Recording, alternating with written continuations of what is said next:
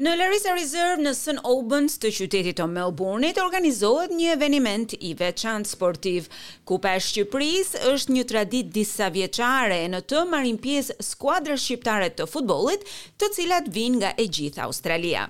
Organizatorë janë kryesia e klubit futbollistik Shqiponja me një traditë të gjatë në sportin shqiptar në Australi.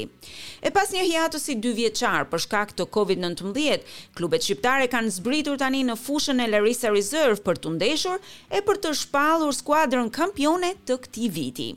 Ne biseduam me Nizami Rexhepin, mik i Radios SBS, i cili ishte i pranishëm në këtë eveniment.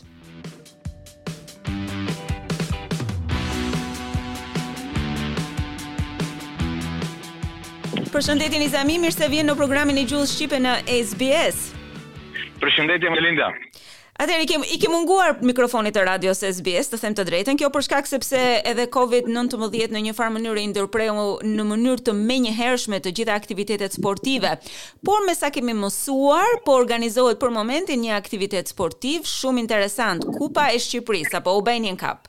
Është vërtet, me vërtet mungojti futbolli, sidomos shqiptarët ishin jashtë fushave, nuk takoheshin dot, por mbas dy viteve pauzë kthehet përsëri Kupa e Shqipërisë këtu në Larissa Reserve, një kupë që filloi para 11 viteve dhe në fillim i kishte vetëm skuadrat nga shteti Viktoria, ndërsa sot, pra edhe Para dy viteve, në këtë skuadër, në këtë kupë morën pjesë dhe skuadra jo vetëm nga Victoria, por edhe nga Uellsi i Ri Jugor, nga Sydney, pra nga Brisbane dhe Adelaide.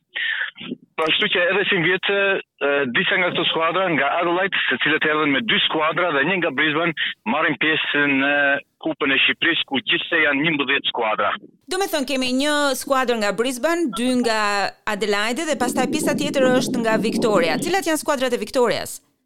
Po kemi Shqipëria, Vllaznia, kemi Ostreci dhe Kshava, Prespa, ë këta skuadrat që përbëjnë nga shteti Victoria, por në bisedimet që pata me Këshillin Organizativ këtu dhe me disa bashkatdhetarë të cilët udhëtuan nga Brisbane, Një prej tyre ka jetuar edhe në Auckland të Zelandës së Re. Premtojnë se vitin e ardhshëm kanë dëshirë që edhe ata të vinë nga Aucklanda të marrin pjesë këtu në këtë kupë. Ndërsa këshilli organizativ ka biseduar edhe me Cairns, me Babinda, Mareeba, shqiptarët e vjetër atje të cilët po ashtu dëshirojnë që vitin e ardhshëm të marrin pjesë në këtë në këtë kupë. Dhe nuk përjashtohet mundësia me komunitetin shqiptar në WA, ku edhe ata dëshirojnë që të marrin pjesë. Me të vërtetë do të jetë shumë mirë që një ditë gjithë Australia të jetë e përfshirë këtu në Larissa Reserve dhe ta bëjmë një Shqipëri etnike ashtu të pastër dhe të madhe siç është. Kur ka filluar Kupa këtë vit, Nizami, në cilën ditë filloi? Fillojti ditën e enjte me disa loja me tre loja në duke filluar prej orës së 6 ishte një të themi një mot i vështirë me shi, por ishte pak ngrohtë të premtë të enten, kishte mjaft bashkatdhetarë të cilët edhe edhe shiu nuk i pengojti, por për fat të keq mysafirët tanë nga Brisbane ishin pak të dëshpëruar nga moti dhe thanë nëse është kështu përsëri vitin tjetër nuk do të marrim pjesë. dhe uh, kishte shumë spektatorë uh, në në ndeshje? Me të vërtet Majlinda të gjithë menduan se nuk do të ketë shumë spektatorë sepse edhe siç thashë moti nuk ishte ashtu i mirë, mirëpo mungesa dy vite që nuk mundeshin të vinë dhe të takohen bashkatdhetarët aty, tregojti se me të vërtetë ka munguar sporti, ka munguar bashkimi me njëri-tjetrin dhe unë them të gjithë ishim të habitur nga numri i pjesëmarrësve të cilët i kishte mbi 400-500 bashkatdhetarë ditën ditën e enjte. Po ashtu edhe mbrëmë vazhdoi Ndërsa sot në Larissa Reserve deri në ora 4 do të luhen ndeshjet e rregullta, ndërsa më vonë do të luhen dhe gjysmëfinalet dhe nesër pritet në ora 5 të, të luhet dhe finalja e madhe. Dhe kush pritet mendon ti, kush do të dalë në finale, si duket?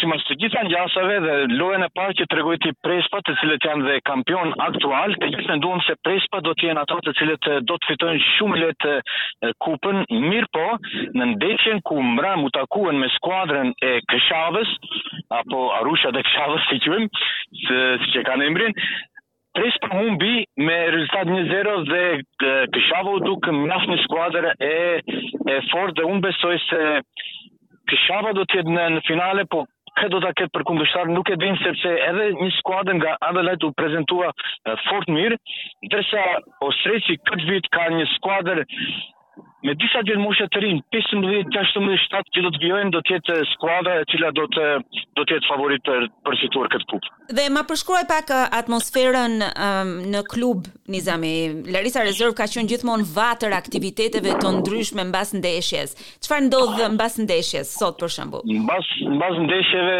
të cilat përfunduan aty nga ora 8 në mbrëmje, Malinda shqiptarët dhe bashkatdhetarët nuk u ndanë dot aty deri nga ora pothuajse në mesnatë, ndërsa sot dhe nesër mbrëma do të ketë dhe muzikë, ashtu që pritet që bashkatdhetarët të, të qëndrojnë këtu në Folenë Shqiptare, ndoshta edhe më vonë. Dhe... Do jetë një atmosferë gazmore, kështu ta quaj. Dhe cilët janë organizatorët e Kupës së Shqipërisë Nizami? Organizatorët e Kupës së Shqipërisë janë klubi futbollistik Shqiponja, të cilët e kanë filluar këtë, siç thashë, përpara 11 viteve dhe do të vazhdojnë. Ëm ehm, Kjo u bë, në në janar bëhet kupa e Qamil Rexhepit në Dandenong dhe për të përfshirë të dyja skuadrat më të mëdha që ekzistojnë këtu shqiptare, ajo e Dandenongut dhe Shqiponja, klubi futbollistik Shqiponja vendosi që të ketë edhe ata një një tubim kështu dhe qëllimi ka qenë që t'i mbledhin të gjithë së bashku bashkatdhetarët dhe nuk është me rëndësi se kush do të fitojë këtë kupë. Ashtu ka qenë në fillim. ka qenë më tepër për t'i mbledhur, për t'i bashkuar bashkatdhetarët. Mirëpo, viteve të fundit është shndërruar kjo kupë në diçka tjetër më konkurruese ku edhe skuadrat duan ta fitojnë dhe të stolisen me me kupën e, e Shqipërisë etnike ta quaj kështu. Sporti është sport apo jo, gjithmonë mbetet konkurrues. Po, po, patjetër. Atëherë Nizami, unë të falenderoj jashtëzakonisht për kohën dhe shpresoj që t'ia kalosh sa më bukur në kupën e Shqipërisë, kushdo që ta fitojë, me siguri do t'jetë një fitore e merituar. Le të jetë, unë e kam thënë çdo herë le të fitojnë shqiptarët, pa marrë parasysh se kush do ta ngrejë trofein nesër, le të fitojnë shqiptarët në në fund.